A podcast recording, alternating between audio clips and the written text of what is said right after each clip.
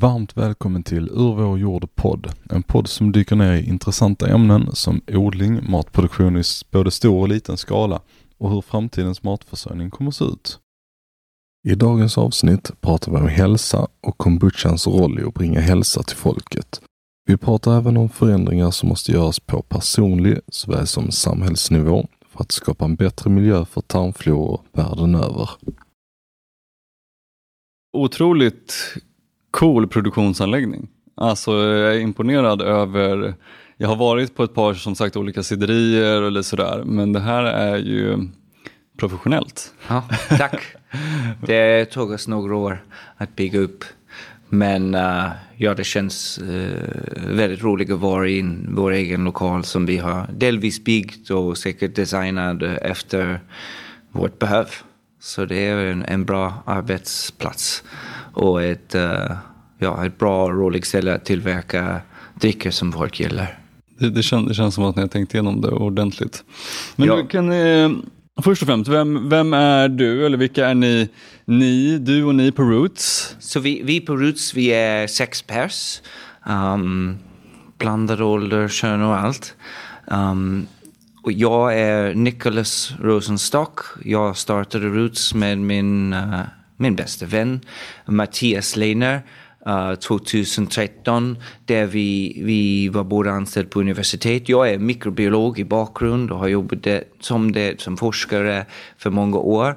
Och ja, vi levde ihop och vi fermenterade allt vi kunde. Vi var båda, ingen av oss var i matvärlden i sig, men vi, vi var så enamorad och attraherad till just konsten, magi av fermentation, vad man kan göra med det. Och hur det är varje ny fermentation man tar på sig, det är som en ny skill, en ny tool. Så vi lärde oss allt vi kunde. Då har vi inte barn eller fruar, så vi har mycket tid, även om vi var heltid sysselsatt med något annat. Så vi gör det kimchi och öl, och surdeg och surkål och vattenkefir, mjölkkefir och kombucha. Och vi levde också i en ganska socialt kollektiv med många andra som skulle vara på besök och fester och stora middagar. Så det var roligt att kunna ja, dela det vi gör med andra och få massa kunskap från många som ah, uh, besökte oss. Och, och, en sak som sticker ut var just då kombucha för att uh, många hade prövat kombucha men sa att de inte gillade någon kombucha tills de prövade våran.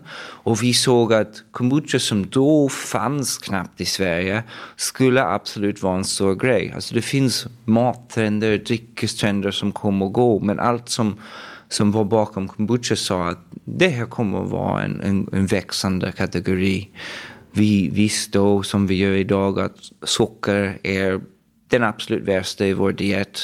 Dödar otroligt många och det är någonting som vi måste vänja oss att ha mindre av. Här har man en supergott och väldigt lågsockeralternativ. Det är mycket mer intresse för alltså, intressanta drycker som inte är alkoholhaltig. Jag dricker gärna alkoholhaltiga drycker men ibland vill man ha en bra måltidsdryck som är inte alkoholhaltig och då har haft tillgång eller uh, uh, selection väldigt dålig. Du kan gå i en superfin restaurang som har en jättelång vinkarta och ölkarta och även nu är alkoholfri öl ibland ganska bra. Men sen om du vill inte ha en öl eller vin då är det Coca-Cola eller en dålig supersött juice. Så det var också en grej. Och vi vet också mer och mer att fermenterad mat är en del av en sund och hälsosam kost. Så, så de saker som vi såg då, som fortsätter idag, så varför inte försöker vi bara producera lite av det. Och det var verkligen inte för pengar, det var bara, det skulle vara så kul om vi kunde producera lite extra och sälja det. Så vi gjorde det för ett stund, gick till olika marknader och vi fick Ja, vi fick lite smak för det. Det var roligt. Vi hade fritid så vi, vi hittade en, en industriellt kök där vi kunde låna det kväll och helg. Så vi började producera det i lite större skala. Frågan när, när, ungefär när var det här? Alltså från tids, det var 2014. Så 2014, 2014 vi flyttade vår första produktion till Sofielunds Folkets hus. Där de hade en café. Dealet var vi kan använda kök kväll och helg när vi var inte in anyone's way. Och ge dem gratis kombucha sälja i deras café. Och vi körde kombucha runt i, i backar runt om eh, Malmö. Först vi behövde sälja in kombucha för ingen visste vad det var. Men det var några cool cafés och restaurang som var intresserade av att pröva det. Och då tvättade vi alla flaskor också. Så alla flaskor, det var en hel retursystem med flaskor där vi körde ut med flaskor och tog alla tillbaka. slutet av 2014 fick vi både nästan carpal tunnel syndrom från att skaka och rengöra flaskor. Det var inte riktigt hållbart tyvärr över tid. Um, och vi växte och vi, vi sålde varje flaska vi producerade och levererade med lådcykel. Och sen 2015 när Mattias var färdig med doktorand, han gick in lite mer i den här verksamheten och vi, uh, vi hyrde ett lokal vid Mittmöllan. Och det var först en liten lokal med 80 kvadratmeter men då hade vi plats att utveckla lite. Och vi började 2015 skickade runt lite, inte bara leverera med lådcykel själv, att, att skicka det till vissa ställen kanske vår första kund i Stockholm var 2015 också. Men sen vi hyrde ett par folk 2015, 2016. Men då var det för oss mest en hobby fortfarande. Vi hade andra heltidssysselsättning, men vi tillbringade, det var som två heltidssysselsättningar, en betalt, en obetalt. Um, och vi ägnade ganska mycket tid med just Roots. Men det var en hobby och det var väldigt lätt. Och så var det en väldigt organisk tillväxt kan man säga från 2014 till 2018, 2019 när vi hade nästan växt ur Mittmöllan. Vi hade hyrt flera andra lokaler i samma byggnad som gav till roliga saker som jag nämnt tidigare. Vi kunde inte gå från lager till bryggeri mellan 11 och 3 för det var rakt genom en food court som vi skulle behöva köra. Och andra grejer var jag fick, gång vi fick en leverans av glassflaskor. Det var en hel förmiddagsarbete när jag måste ta varje palla flaskor över gatusten, över Alltså, little driveways och jag var väldigt rädd att jag skulle ramla men det var en superbra fysisk arbete. Att dra en hel palla flaska över gatusten, det är riktigt bra crossfit-träning skulle jag säga. Men uh, oideellt i flera sätt. Men det var en mysig ställe det var. Det var bra nätverk av andra restauranger, superbra location och det var kul att vara så centralt. Men det kom där en vändpunkt kan man säga 2018 där det var okej okay, Ska vi fortsätta, då måste vi ta det nästa steg. Eller ska vi säga, det här har varit kul, vi har bidragit till något, vi har växt, vi har, vi har verkligen hjälpt att ta kombucha fram som en dryck i Sverige. Så vi kanske lägger det ner. Men vi, nej, vi valde att uh, vi tar den här nästa steg. En sak som jag lärde mig också var jag fortfarande arbetar väldigt mycket med händer och kroppar och gör mycket tvätt. Vi alla gör mycket tvätt för hand. Men man kom till vissa steg i mathantverk när någonting är inte hållbart från en fysisk kroppsslitageperspektiv. Det var väldigt tydligt då, den steg vi var på. Vi kunde inte riktigt hålla på med det för fem eller tio år till. Kanske vi bara tog in en ny arbetare tills deras kropp slitade sig ut och sen bitade de ut efter ett till två år. Men det var, det var för fysiskt slitsam på just denna storleksnivå. Så vissa saker man mekaniserar inte för att man vill inte ha den del av det, bara för att kroppen inte håller ut. Kropp håller ut helt okej okay om man gör 20 50 flaskor, men när det blir många, många hundra flaskor, det är tufft på kroppen. Det är, det är ju någonting som folk generellt inte tänker på när det kommer till håll, hållbarhet. Ja. Man tänker på det här gröna och allting. Ja. Men det där är ju också en lika stor del i en hållbarhetsfråga, så som ekonomi och andra bitar. Liksom. Eh, Ja, jag känner igen mig som grönsaksodlare. Jag funderar på att skaffa en traktor.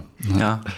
eh, ni känns ju som att ni har varit liksom pionjärer inom, är det kombucha i Sverige eller till och med, alltså för Malmö, jag Vi var ihåg, tidiga i Europa. Vi var tidiga i Europa till och med. Skulle jag säga, inte bland den första i Europa, men tidig. Och bland den första i Sverige. För jag kommer ihåg när jag, när jag flyttade ner till Malmö, det här är sex år sedan ungefär, 2017 tidigt. Då var ni ett av de första företagen som var liksom att så här, det här är ett Malmö, Malmöföretag, ni kändes coola, ni höll på med någonting helt, helt nytt. Jag hade hört, bara för att jag är inom så här närings, näringssvängen och jobbat på sådana så hälsokafén och sånt och vet fördelar och annat med kombucha. Eh, men hur var ert, när ni väl kom med den här produkten? För det, det är ju ofta någonting som små producenter tycker är svårt. Som kommer med, även fast produkten redan har funnits tidigare, men kommer med en ny sorts produkt, en riktig produkt. Mm. Eh, hur var bemötandet när ni kom med den produkten? Vad smakade det? varierar sig väldigt mycket. När man säljer en produkt man måste vara redo att emotta alla sorts uh, respons. Men Ja, genom erfarenhet, genom att göra det och göra det, vi lärde oss hur man presenterar produkter. Det varierade sig väldigt mycket. Visst, om det var en ekologisk eller vegan eller vegetariskt fokuserade café. Det var en mycket större chans att de hade redan hört talas om det och de var intresserade i det från början. Det som skilde sig väldigt mycket i början men fortfarande idag är det roligare inte särskilt lätt men roligare att sälja in till kaféer och restauranger än det in till dagligvaruhandel, till retailbranschen. För på kaféer och restauranger är de ofta intresserade. Man kan berätta om produkt och sitta där och smaka produkt med dem och gå igenom en smakning. Och då är det alltid en väldigt positiv och, och, rolig känsla. Det är lätt att övertyga folk med smaken av vår produkt när vi kan sitta med dem och göra det. Men i retailbranschen det är nästan irrelevant hur det smakar. Nästan irrelevant vad, hur, vad det innebär eller om det är bra eller dåligt för folk. Inte särskilt relevant ibland, även om det kommer säljs bra och ger en bra margin. Och det gör det mycket svårare. You can't sell the product in based on the quality i det retailbransch som man kan i kafé och restauranger. Också kafé och restauranger, särskilt tidigt, är väldigt viktigt för en varumärke, för en ny produkt. För de är en sorts gatekeeper. De, om man ser vår produkt på en fin kafé och restaurang, då säger det något till folk. It's a sort of bekräftelse, confirmation. Det här är värt att försöka. Så ja, strategi var tidig att gå till kafé och restauranger framför allt. Och här i Malmö, det gick bra. Jag tror det skulle vara lättare, det var lättare för oss då 2014 här i Malmö förmodligen än i Stockholm till och med. Uh, lite mindre stad och kanske lite mer traveled. Många internationella, ännu lite mer kanske än Stockholm. Så, så det var strategi, men när det kom till att börja med retail branch. Så, så för oss det kändes när vi kom in i Cafés och restaurang tidigt, vi hade ingen aning what we were doing. För vi var inte från business world. En av oss var en, en, en ekonom med en fokus på hållbar konsumentbeteende och jag var mikrobiolog som forskade mest med näringskretslopp i skogen. Så vi var total outsiders, båda av oss till och med uh, utländsk.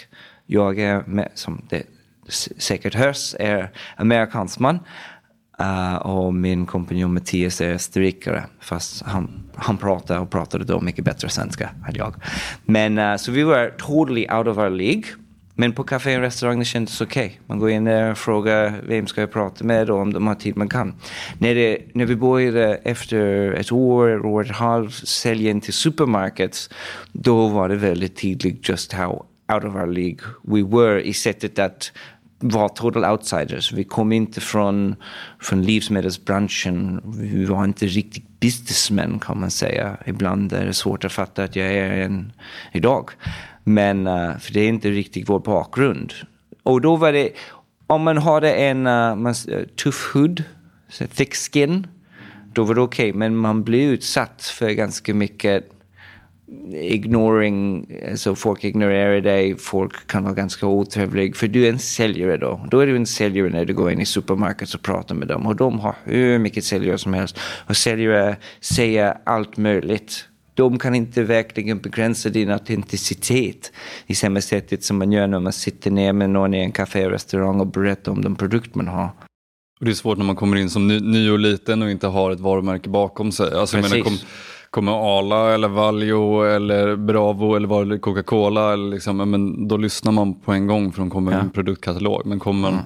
då också med en helt ny produkt som är, hej här kommer vi med kombucha och ja. de inte ens vet vad, ja. vad kombucha är så kan jag tänka mig att då blir det väldigt, väldigt svårt. Ja, och också om man inte heter Svensson och pratar som en Svensson och ser, alltså det är ganska, man ska säga i säljarbranschen, det är, folk är finklädd, folk ser proffsiga ut, det är en annan look än de torghandlare kan man säga. Som var lite mer vår värld innan det.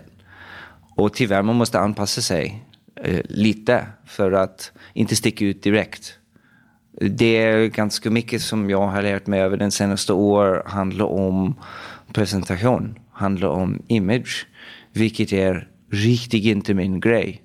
Jag var vetenskapsman nästan hela min vuxenliv innan och då var det helt tvärtom. Då handlade det om din idé, det du sa, det du skriver, men inte din utseende. Visst, allt i livet det, kan handla lite om din utseende, men jag var väldigt isolerad. Jag skojade lite att I'm trying to avoid the real world. Jag kände så länge jag var i academic research, jag hade fått den akademiska path för ganska länge. Och det var lite roligt, det är den Ivory Tower man pratar om. Då undviker man ganska mycket av den tuffa ute i den så kallade real world. Och när man hoppar från det, det var också väldigt tufft i vissa sätt. Men när man hoppar från det till ja, att sälja in produkter till dagligvaruhandel, det är en annan värld. Det är en helt annan värld. Ja. Det, det, är verkligen, verkligen helt... Det är image och intryck och first impression och proffsigt utseende är väldigt viktigt till gott och ont. Men det insåg vi ganska snabbt. Så det var, det var mycket lärdom. Och det är fortfarande det för mig. Och sen är det också bara att vara säljare. Alltså det, det, det är ju vara, inte bara hur man ser ut, utan att vara säljare är ju inte helt lätt det heller. Det är en personlighetstyp, det är ja. ett sätt. Det, du, du måste vara hårdhudad, du måste komma in med confidence. Du ja. måste, det, det, det är ju svårt och det är också för från att gå från en liten producent till en större producent. Och många större till slut, de tar in säljare. Ja. Jag vet inte om ni har en säljare idag. Eh, men, men de tar in säljare för att de känner att ja, men, vi håller på, vi är producenter egentligen. Ja, ja. Vi är ju inte, inte säljare och det tror jag att många känner igen sig i. Att när du i början då har du så många olika roller du ska fylla och det är svårt att vara duktig på alla de här Absolut. rollerna. Jag tror det är en stor flaskhals för många små producenter när de tillverkar en produkt och vill ta den steg från att var på en tåg eller på en marknad och säljer det in till återförsäljare. Det är väldigt svårt att sälja en produkt. Det är väldigt tufft. Jag tror ofta om producenterna, även om de inte säljer tipp, kommer vara den bästa säljare om de kan lära sig, anpassa sig eller om de redan har en del av det. För de känner och brinner för produkt. Vi har haft olika säljare. Vi har säljare idag. Vi har haft vi har haft, man kan kalla det ibland i Sverige, man har utesäljare och innesäljare. Utesäljare är mest i själva produktionsanläggningen och på telefon lite mer. Utesäljare är den som går ut och särskilt är ute i butikerna. Och det, det, jag skulle säga den utesäljare, den är den riktigt tuffa. Um, och det är en tough job. Det är en tough job om det är din produkt och en tough job om det är inte din produkt. Det tror jag jag och Mattias var hyfsat okej okay med. Vi var båda nog thick-skinned. Och det hjälpte även i början att vi hade inte så mycket skin in the game. Att det var en hobby hjälpte oss lite hantera de otrevlig respons eller helt ignorerad eller när man kör runt för en par dagar eller besöker många butiker man får bara nej, nej och otrevlig nej och folk inte lyssnar ens till dig och vill inte se dig. Sekunden de ser dig de tittar med dig med en look som, oh, en sån. Men uh, det hjälper om man inte har för mycket skin in the game. Men även efter vi har det, ja, att vara thick skin, och ha lite... Eh, alltså jag som en barn ofta tyckte om att sälja saker. Jag hade lemonade stands och jag skifflade snö och gick door to door och sälja raffle tickets och magazines. Tyckte sånt var lite roligt. Um, och det, jag har haft lätt att prata med folk och, och, och vara tuff nog att take ten no's och vänta för den ena ja. Men det är tufft. Det är väldigt tufft och, och ja, när vi har anlitat extern säljare det är väldigt svårt att få en bra. Väldigt få, svårt. Och, och man pratar med andra folk i branschen och de säger samma. Det är guld och det är en väldigt tuff jobb. I andra länder man kompenserar säljare mycket mer på provision. För att ah, alltså i andra länder när jag pratar om hur det är med att skaffa säljare med andra folk, man säger men varför är de inte på commission? Och jag förklarar, men people don't really do that here. Och de säger, va? Men hur kan man ha en säljare som inte huvudsakligen på provision? Och kanske folk gör det, men vi egentligen har valt här ut så vi vill ha någon som känner sig en del av företag. Men uh, det är tufft. Absolut, att, att, att ge motivation till utesäljare som som är inte delägare av, av företag. Men tillbaka lite till det, ja, det du frågade. Jag tror de flesta grundare blir de bästa säljare om de kan komma till det. Men vissa det är inte fallet. Och det är en utmaning för då måste man lägga mer pengar från början för att ha omsäljningstjänst. Och oftast när jag pratar med andra, de flesta är inte riktigt nöjd med de försäljningstjänst som finns. Och det finns ganska mycket, väldigt mycket olika försäljningstjänster. Och den överhuvudtaget respons är, ja, det är sådär.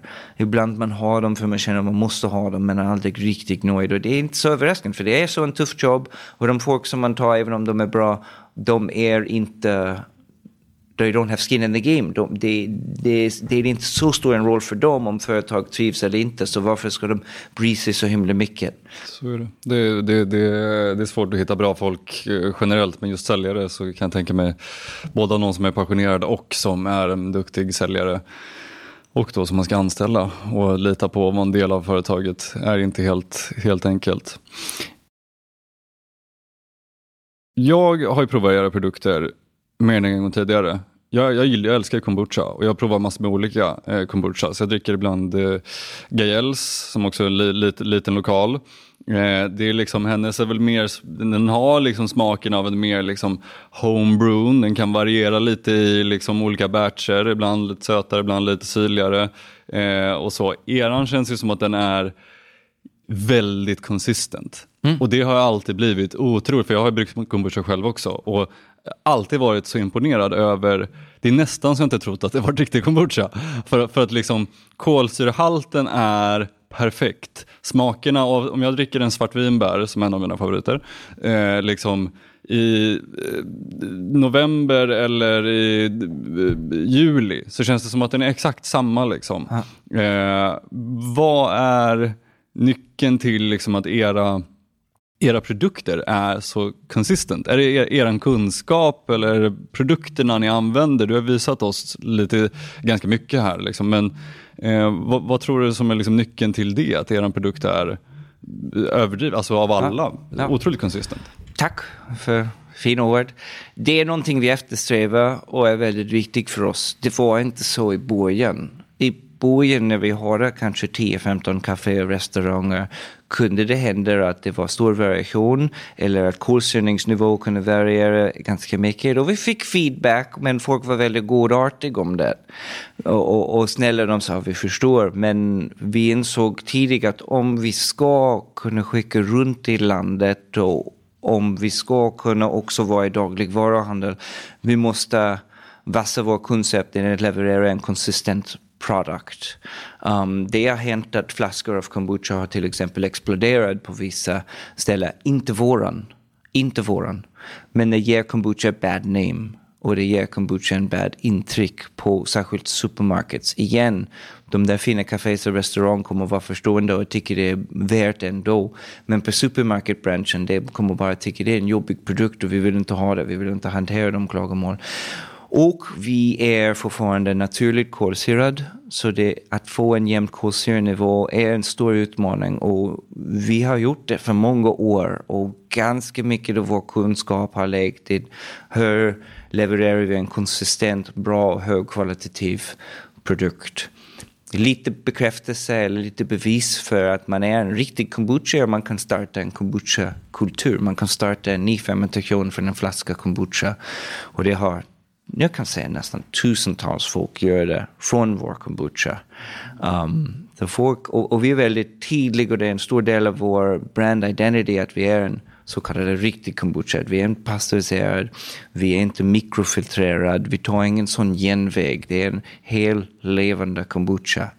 Men det måste också vara stabilt. Så det har en hållbarhet av sex månader. Så det är en kylvara, men det måste vara ganska stabilt över den tid. Och allt detta har vi utvunnit över år av försök.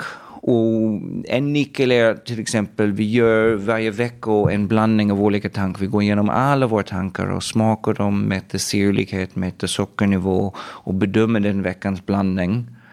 Och genom det kan vi leverera en ganska konsistent uh, produkt. Och det är viktigt för oss. Och också när det gäller smak, vi vi har kan man säga dragit ner med socker väldigt mycket. Det är jätteviktigt att det finns något socker i kombucha. Folk frågar ofta om är det tillsatt socker.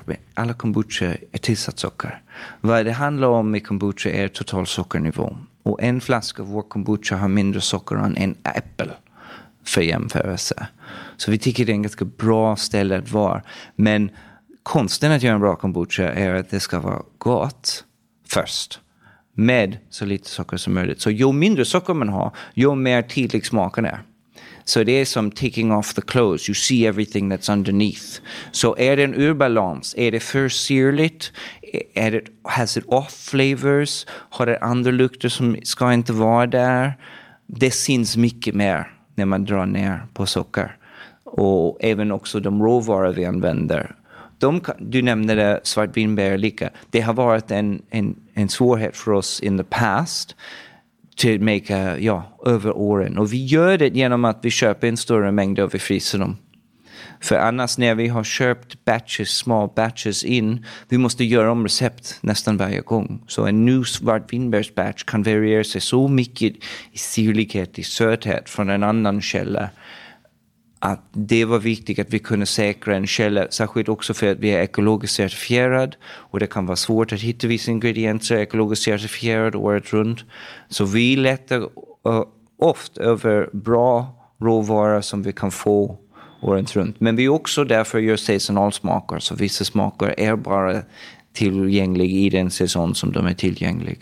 Som fläder, som äppel. Jätteimponerande.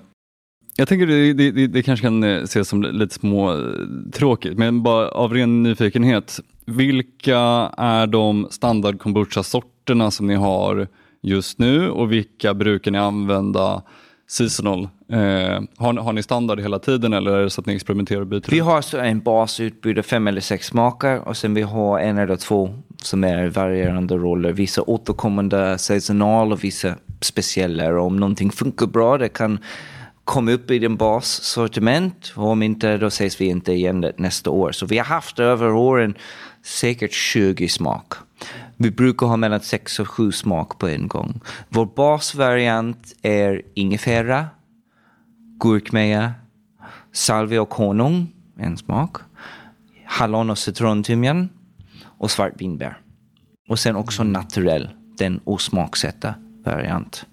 Och sen just nu är vi på slut av vår vintersäsonal som är äppel och kryddor. Det är en julsmak kan man säga, kryddsatt med kardemum, kanel, nejlika. Äppel kommer från skånsk övergivna och äppelodling som vi plockar själv. Och uh, sen under sommar har vi också uh, flädersmak som också vi går ut och plockar själv här i Skåne. En väldigt bra landskap för fläder. Otroligt god kombucha. Håller på, tack. Håller på att jobba just nu med en ny spring flavor som vi hade en gång för länge sedan. 2015, 2016 hade vi en smak. Och jag vet inte om jag vågar säga det, men jag gör det ändå. För det är möjligt att det inte kommer släpps. Men vi tror att det kommer släpps. Så det är sju blommor. Och det är en blandning av sju olika blommor som eh, kommer vara bra för att vara redo för svenska midsommar och sommar. Och det är också en härlig smak. Och det, det vi gör och vi gillar att göra är att komma upp med nya smaker som är lite oväntade, som är lite annorlunda. Ja, vi har en hallonsmak och ja, vi har en ingefärssmak. Och nästan alla kombucha-producenter har dem. Vi gör lite twist på den hallonsmak med att kombinera det med citrontimjan. Tycker det verkligen ger något extra.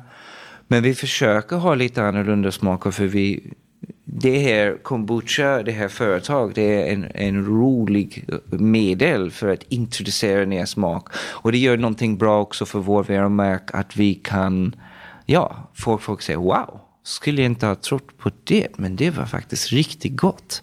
Det är den upplevelse vi vill ha. Vi vill, vi vill introducera inte bara kombucha, vi vill introducera de andra botaniska ingredienser. Så när vi, vi pratade om det tidigare, alla våra smaker vi gör med de helbotaniska ingredienser, så vi använder aldrig någon, någon det är aldrig någon flaska med en vätska i det som är vår smak. Vår smak är alltid hela kryddor, hela rötter, hela bär, hela frukter som vi börjar med och använder. Och de är väldigt rolig att jobba med, väldigt inspirerande att jobba med. Och det är väldigt roligt när det verkligen kör hem och folk är imponerade. Vi gjorde en smak förra året, det var baserat på rödbetor. Och där vill vi inte, vi vill undvika den tendensen, ah, rödbetor är väldigt stark, så bara gör det väldigt subtilt. Nej, vi vill att det faktiskt smakar rödbetor. Men då var utmaningen att när det smakar rödbetor, då var det väldigt gott för en shot. Men hur gör vi det gott som man vill dricka en glas av det? Hur hanterar vi den här jordighet? Så vi kombinerade det med apelsinskal, mint och citronverbena. Och tillsammans, det var en väldigt läskande, det var så strong flavor, strong drink men gott. Och många gillade det väldigt mycket. Det hade visst en vackert, vackert färg. Men uh, det var också riktigt gott. Så vi gör väldigt flavor forward smaker som är baserade på de här uh, organiska eller botaniska råvaror, den hela botaniska råvaran. Väl, väljer ni eller gör ni smaker bara utefter smak, vad ni tänker är, är goda och efter liksom så, eller finns det någonting som ska ha någon ska vara bra för kroppen, ifall vi formulerar det så? Både och. Det är sällan att det är någon trade-off egentligen. Alla våra ingredienser, man kan bara ta dem som någon sorts örtmedicinska varor. Så om det handlar om citrontimjan har länge använts som en sommarelixer och för uh, magproblem. Ingefära och gurkmeja behöver man nästan inte prata om. Att de kan vara bra. Svart vinbär, otroligt nyttig. Bara svarta vinbär i en av våra flaskor av kombucha. Så bara svarta vinbär som är smakämnen för den kombucha har mer än 50 procent av dina dagliga intag av vitamin C. De är så vitamin C-bommar. Och det är som med nästan alla våra ingredienser. Och också genom att vi använder de hela botaniska ingredienserna får vi också de bra ämnen, inte bara den smak eller den färg. Så det är verkligen både och. Men ärligt talat, vi går först och främst ut från smak. Det ska mm. vara någonting gott. Vi har aldrig jobbat med en råvara som vi välde bara för hälsosam skull och sen försökte få det att smaka gott. Det är snarare tvärtom. Men det är mest för att alltså, allt i växtriket är ofta väldigt bra och nyttig och, eller har bra hälsofördelar.